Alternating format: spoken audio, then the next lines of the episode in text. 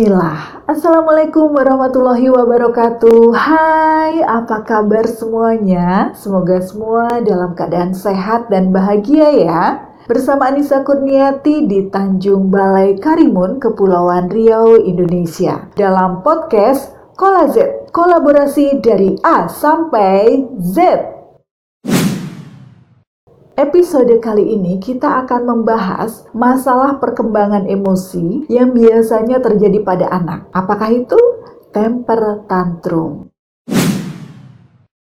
Temper tantrum ini adalah ledakan emosi atau luapan kemarahan yang dilakukan oleh anak kecil. Dan bentuknya seperti apa sih luapan emosinya?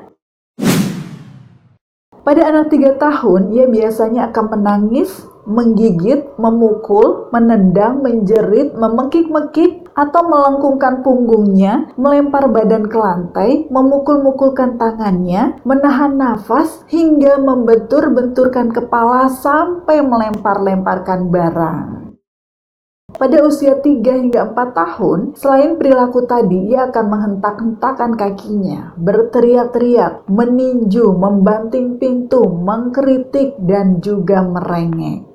Sedangkan pada usia 5 tahun, selain perilaku pada usia 3-4 tahun tadi, ia akan memaki, menyumpah, memukul kakak atau adik atau temannya, mengkritik diri sendiri, hingga memecahkan barang dengan sengaja bahkan ia akan mengancam. Lalu kenapa ya anak temper tantrum?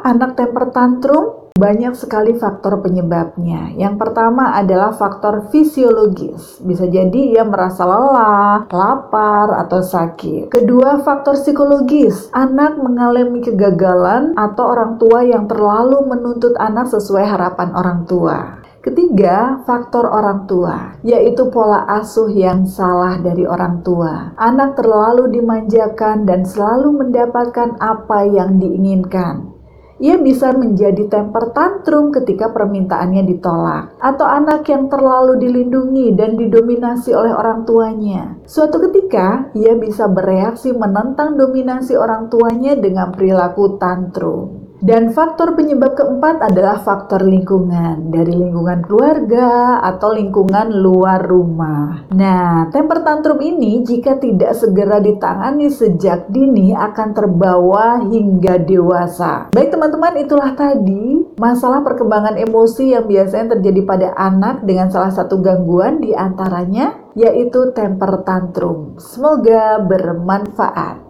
Naik pompong nak ke Pulau Parit. Jangan lupa bawa kue sagu. Nanti kita sambung. Saya nak pamit. Wassalamualaikum warahmatullahi wabarakatuh.